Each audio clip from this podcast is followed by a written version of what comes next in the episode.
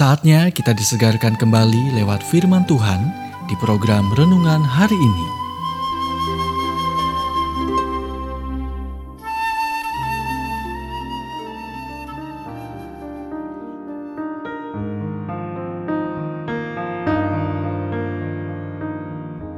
Renungan hari ini berjudul Jauhi Fokus Diri yang Tidak Sehat, bagian kelima.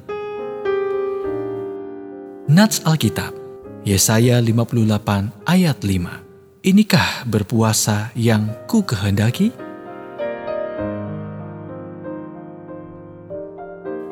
Tuhan tidak pernah memerintahkan Anda untuk memeriksa emosi, pengalaman, atau dosa Anda. Apa yang dia katakan adalah, lihatlah, anak domba Allah yang menghapus dosa dunia. Yohanes 1 ayat 29.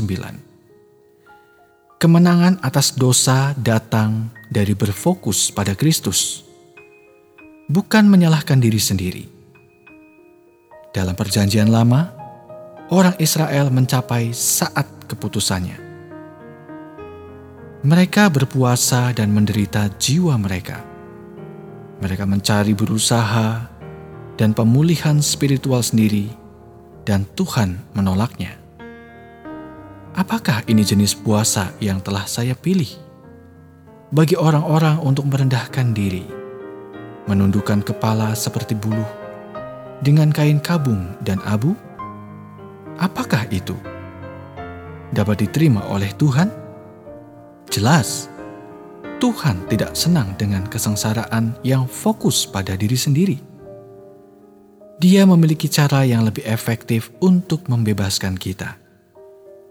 Bukan membebani dengan penyesalan, dia berkata, "Bukan, berpuasa yang ku kehendaki ialah supaya engkau membuka belenggu-belenggu kelaliman, memerdekakan orang yang teraniaya, memecah-mecah rotimu bagi orang yang lapar, dan membawa ke rumahmu orang miskin yang tak punya rumah." Dan apabila engkau melihat orang telanjang, supaya engkau memberi dia pakaian dan tidak menyembunyikan diri terhadap saudaramu sendiri. Yesaya 58 ayat 6 sampai 7. Cara Tuhan menghilangkan kelumpuhan analisis diri dengan perintahkan Anda untuk melupakan diri sendiri sepenuhnya. Berhenti memikirkan kekurangan Anda dan terlibat dalam kehidupan dan kebutuhan orang lain. Rencananya untuk mengatasi daging Anda adalah yang pertama, akui kasih karunia-Nya dan lihatlah diri Anda sebagai orang yang benar di dalam Kristus. Yang kedua, arahkan pandangan Anda pada Yesus. Yang ketiga, jauhkan diri dari fokus diri yang obsesif. Yang keempat, melayani Tuhan dengan melayani orang lain. Ketika Anda melakukan semua hal ini, terangmu akan terbit dalam kegelapan. Tuhan akan membimbing dan menguatkanmu. Yesaya 58 ayat 10 sampai 11.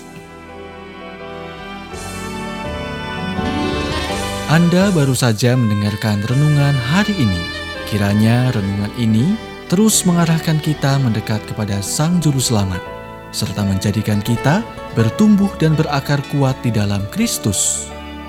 Bila Anda diberkati, berikan kesaksian Anda melalui WhatsApp di 0817 222 959 atau jika Anda ingin memiliki buku renungan hari ini, Anda bisa dapatkan di Radio Suara Gerasi FM Jalan Setiabudi 31 Cirebon. Dengar dan lakukan firman Tuhan, maka hidupmu akan selalu berkemenangan. Tuhan memberkati.